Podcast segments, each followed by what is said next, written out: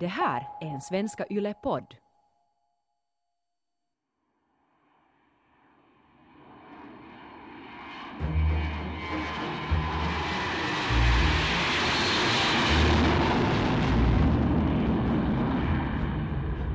Sittenhän hän yhtäkkiä veti pistoolin tuolta povitaskustaan ja nyt hän kaappaa tämän koneen.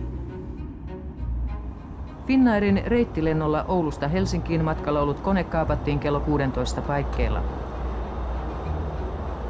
Kvantton, mina damer och herrar, kommer att flyga till Helsingfors och den beräknade flygtiden är cirka 45 minuter. Men resan från Uleåborg den 30 september år 1978 blir allt annat än kort och angenäm. För kort innan inflygningen till Helsingfors meddelar en pistolförsedd man att planet är kapat. Mä pukkasin hänet pois ja otin pistoolin povitaskusta ja sanoin, että nyt riittää. Nyt, nyt, nyt, nyt lähdetään tekemään se, sen mukaan, kun minä haluan.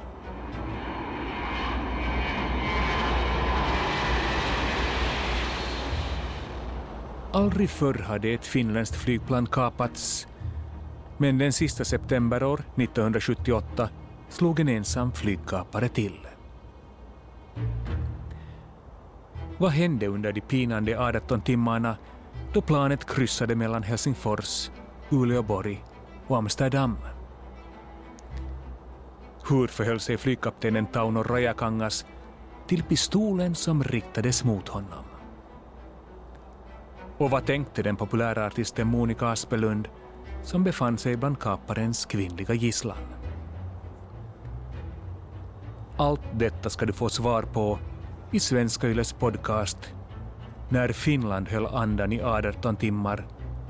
En krimpodd i fyra delar. Mitt namn är Petter Lindberg.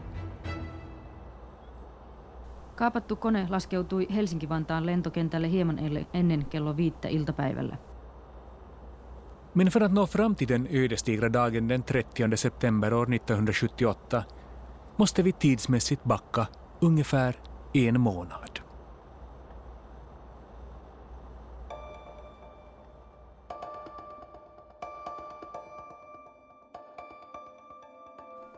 Minä olisin ollut vaikka älyllistä kyvyltäni tai niitä, niillä mahdollisuutta, niin kuin ne sanovat, lukia vaikka miksi. I Uleåborg finns en man som har höga tankar om sig själv och gärna uppträder som framgångsrik affärsman även om oturen verkar förfölja honom.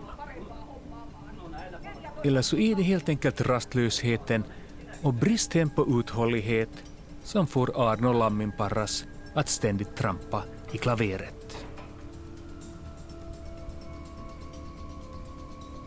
I september 1978 sitter han på bar backe. Företaget har gått i konkurs.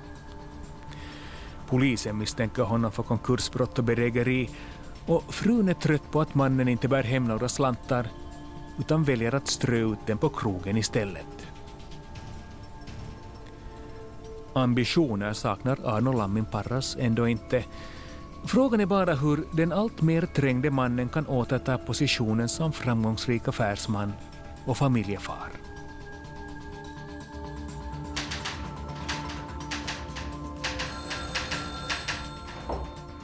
Jag tror det hände ungefär två veckor före den här kapningen. Nämligen, han ringde till redaktionen i Uleåborg och han presenterade sig själv med ett helt annat namn. I mitten av september får Helsingin Sanomats lokalredaktör i Uleåborg, Maria Salmela, ett samtal av en okänd man som presenterar sig som Järvinen. Han sitter inne med hemlig information om en förestående flygkapning av ett SAS-plan på väg till Frankfurt. Det är israeliska trupper som ska genomföra dådet, säger han. Jag skrev ner och, och tänkte att okej, okay, det är kanske, kanske lite någon person som som har någonting nu inte i balans i hans huvud och så. Men nästa dagen han ringde en gång till. Maria Salmela antecknar och undrar om det verkligen finns belägg för att israeliska trupper planerar en flygkapning. Arno Lamminparras är övertygande och envis och ringer en tredje gång till redaktionen. Denna Lamminparras ringde en gång till och sa att, att han är nu helt säker att, att det händer nu inom en vecka. Och sen jag, jag tänkte att okej, okay, jag måste kolla vem han är. Och sen jag sa till honom att ska vi träffa, ska vi ha lunch? Samtidigt pågår förberedelser i kulisserna som Maria Salmela inte har en aning om. Arno Lamminparras har stulit en pistol av sin vän som är överfältväbel. och han har inom en dryg vecka också beställt tre flygresor till Helsingfors men varje gång avbokat dem som om modet svikit honom eller han helt enkelt kommit på andra tankar. Men inget av det här känner Maria Salmela till när hon stämmer träff med Arno Lamminparras på en krog i Uleåborg.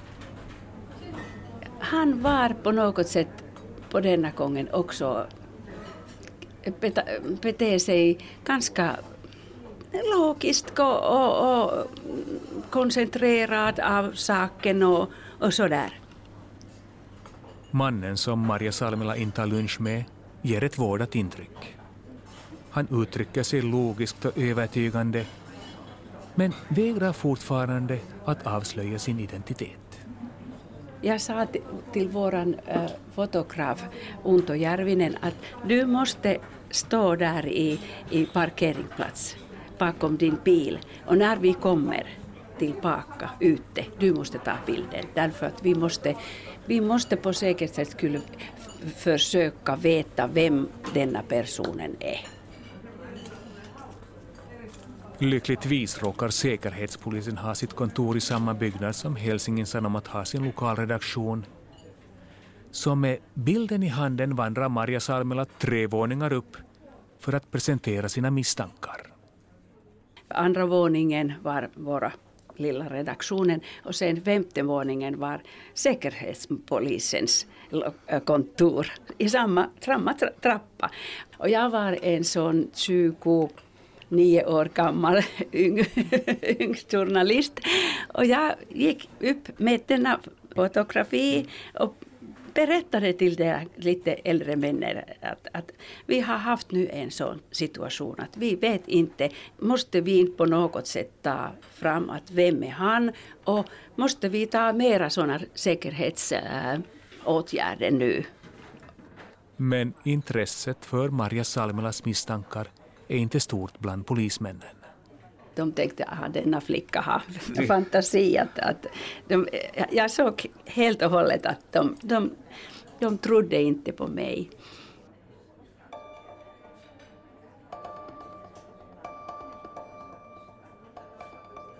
Säkerhetspolisen avfärdar alltså den misstänkte mannen som ofarlig. Men den 30 september kommer en massa oskyldiga personer att hamna i denne ofarlige mans väg. Natten innan har Arno Lamminparra svårt att sova. Han vankar rastlöst av och an i bostaden och när morgonen gryr försöker han bota rastlösheten och huvudvärken med kaffe, värkmedicin och whisky. Lamminparra skyndar iväg för att hinna med morgonbussen, men när han kommer fram till centrum överger han oväntat planerna att åka vidare till flygplatsen. Istället vandrar han planlöst omkring i Uleåborgs centrum med kniv och läderrem i väskan och en laddad pistol i bröstfickan. Minä otin, kun minä lähdin vieraaseen kaupunkiin. Ei Helsingin kaupunki mikään hyvämainen paikka ole ventovieraalle maalaispojalle. Kyllä mulla oli oikeus itseäni puolustaa, puolustaa, jos mä kerta aseenkantolupa on. En bondpojke från Uleåborg måste kunna försvara sig i storstaden Helsingfors, resonerar Arno Lamminparras. Oli mulla yksi yö Lapin leukku. Se, se, se stämmää. Käytin niinku kirvenä sitä, sitä puukkoa. Arno Lamminparras agerande uppvisar många märkligheter den här dagen. Som att han avbokar morgonflyget för att istället stämma träff med sin hustru i centrum av Uleåborg. Hustrun som trott att mannen redan anlänt till Helsingfors ställer motvilligt upp och klagar över att hon gärna lägger pengarna på annat än bussbiljetter. Men hon anländer till den överenskomna platsen bara för att få höra av sin man att den utlovade och viktiga nyheten som han velat berätta inte alls existerar. Mötet slutar i osämja och arg och besviken kliver Arno Lamminparras på bussen som den här gången verkligen ska ta honom till flygplatsen. Jag var uppe i, Rovaniemi. Jag hade varit där på uppträdningsresa och eh, skulle, ville hem. Eh, jag ville se mig själv på TV. Det var ett inspelat program som sändes ut just på kvällen, så jag ville hem till kvällen. Men också för artisten Monica Aspelund har lördagen den 30 september börjat med en motgång. Flyget till Helsingfors från Rovaniemi var fullt, så jag fick ingen plats där, eller vi fick ingen plats. Och, så det blev tåg till Uleåborg istället. Och eh, då vidare med, med flyg på eftermiddagsflyget från Uleåborg till Helsingfors. Planet från Rovaniemi är fullbokat, men ytterligare motgångar följer Monica Aspelund den här dagen när hon åker från Uleåborgs centrum till flygplatsen utanför staden. Så får vi nu då med flygbussen till, till eh, flygplatsen i Uleåborg och på vägen dit så eh, uh, pajade. Hela flygbussen, eller inte hela men att den stannade sen. Och chauffören fick vandra iväg till något närliggande hus för att ringa, för det fanns ju inga mobiltelefoner på den tiden.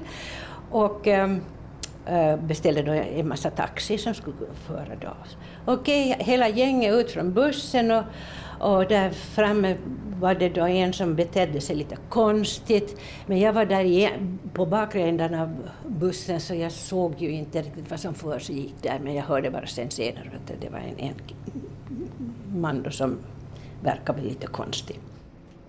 Den som härjar fram till i bussen är Arno Lamminparras. Han har visserligen haft en biljett till morgonflyget men än en gång har han gjort en ombokning, den här gången till eftermiddagsplanet som avgår klockan 15.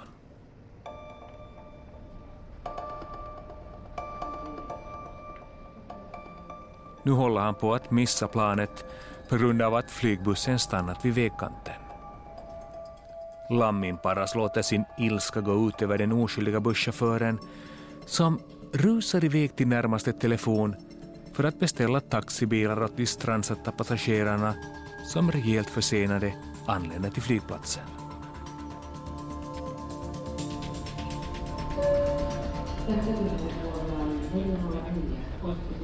Me oltiin sitten, kun siinä oli semmoinen tavallaan tauko, niin me oltiin koko miehistö Oulun lentoaseman kahvilassa, kahvilassa kahvilla ja huilattiin siinä, kun siinä lentokoneessa saa olla ihan tarpeeksi paljon joka tapauksessa. Inför flygningen till Helsingfors unnade vi oss en liten paus, säger den pensionerade flygvärdinnan Merja Pankakoski, eller Ervasti som hon på den tiden hette. Silloin siellä Oulun kahvilassa, siinä oli muistaakseni baari, jonkunlainen, jossa asiakkaat sitten sai käydä oluella tai jotain, niin mä kiinnitin huomiota semmoiseen mieheen, joka katseli meitä hirveän tarkkaan.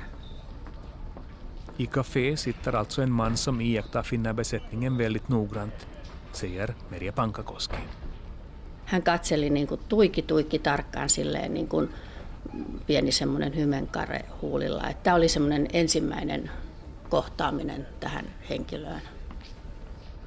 Merja Pankakoski lägger märke till mannen som tycks osedvanligt intresserad av besättningen. Men snart ska planet göras klart för avfärd och den femmannabesättningen går ombord, bland dem flygvärdinnan Merja Pankakoski och flygkaptenen Tauno Rajakangas som tillsammans med styrmannen fördriver tiden i cockpiten genom att småprata och ta del av flygrapporter som flygvärdinnorna försett dem med.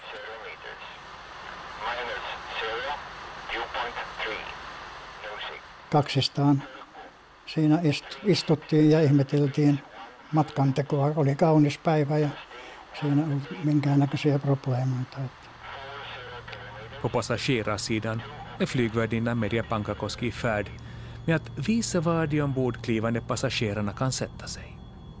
Kyseinen matkustaja Arno Lammin paras, niin hän oli, oli pyrkimässä niin kuin mun ohi sinne taakse ja kerroin sitten vaan, että mistä syystä sinne ei saa mennä ja mihin hän sitten siihen asettuu ihan niin kuin viimeiselle mahdolliselle riville ja laittoi takkinsa ja tavaransa sinne hattuhyllylle. Superkaravellen hade den egenheten att om den flög med lätt last så måste passagerarna placeras i den främre delen av planet. Arno Lamminparras ville gärna sätta sig längst bak men Merja Pankakoski förklarade situationen varpå Lamminparras muttrande satte sig på angiven plats.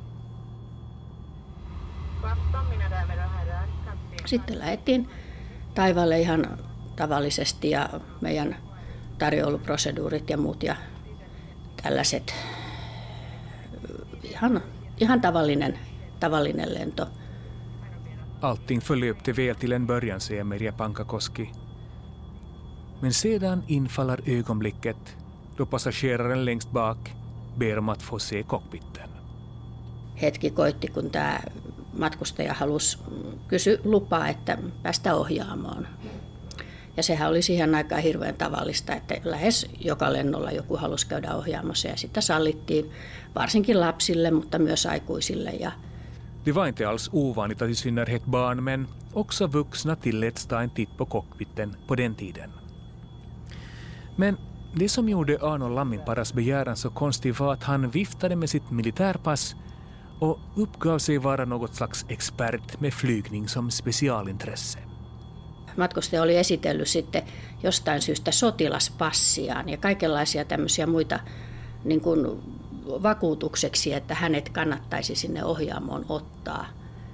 Ja ihmeteltiin sitä kyllä, kun, että, mitä, että eihän tähän nyt tarvita yleensäkään muuta kuin ihan normaali pyyntö, ettei tarvita tällaisia dokumentteja. Ja... Merja Pankakoski tyckte att Arno Lammin paras beteende var lite märkligt, men hans Begäran framfördes ända till flygkaptenen Tauno Rajakangas som samtyckte till besöket även om Merja Pankakoski lite skämtsamt tillagt att de minsann ska se till att gästen inte bär vapen. Sitten on se mun kuuluisa lause, että, että näistä mun ajatuksista, että kun mun mielestä se kaveri oli niin kummallinen ja outo ollut koko ajan, että mä sitten sanoin sen, että, että, että no, jos nyt otatte en suosittelisi, mutta otatte, niin katsokaa, ettei sillä ole asetta.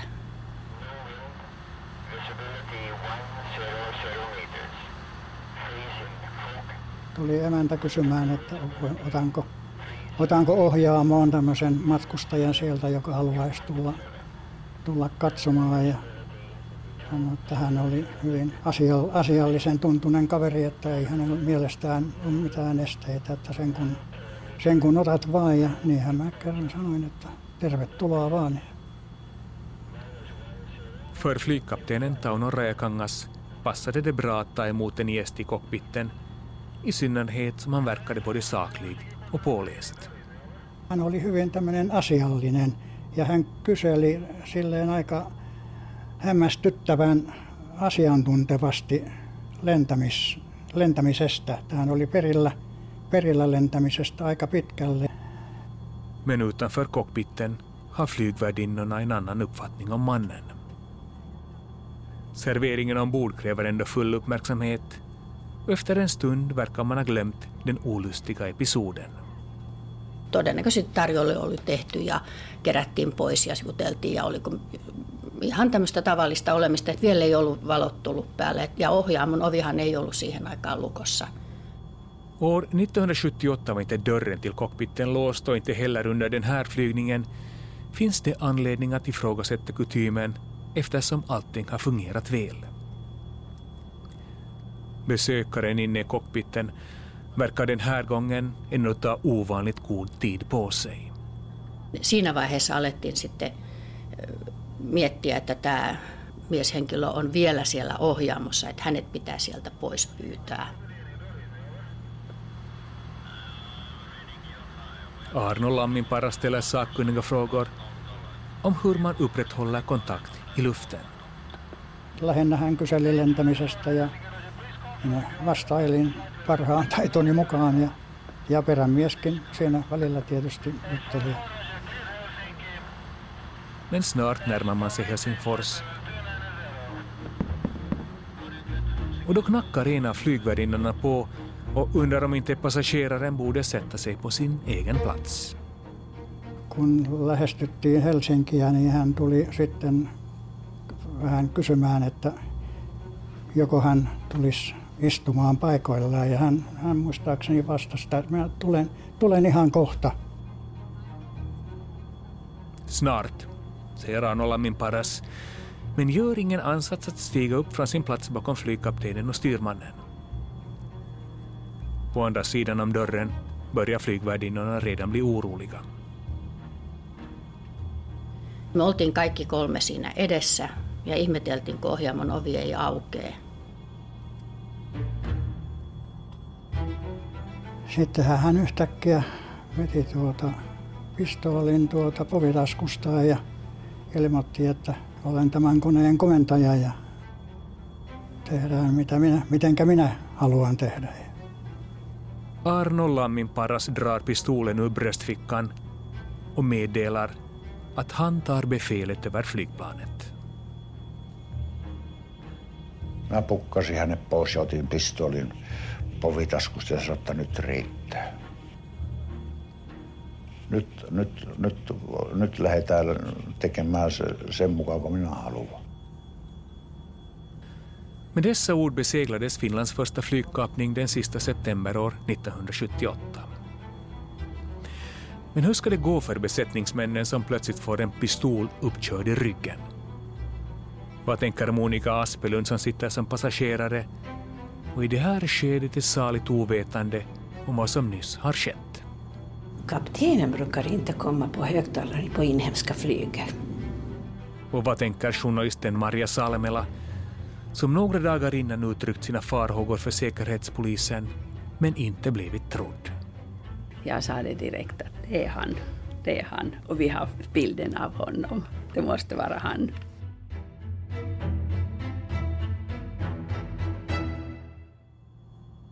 Du har hört den första delen av Svenska Yles poddserie När Finland höll andan i 18 timmar.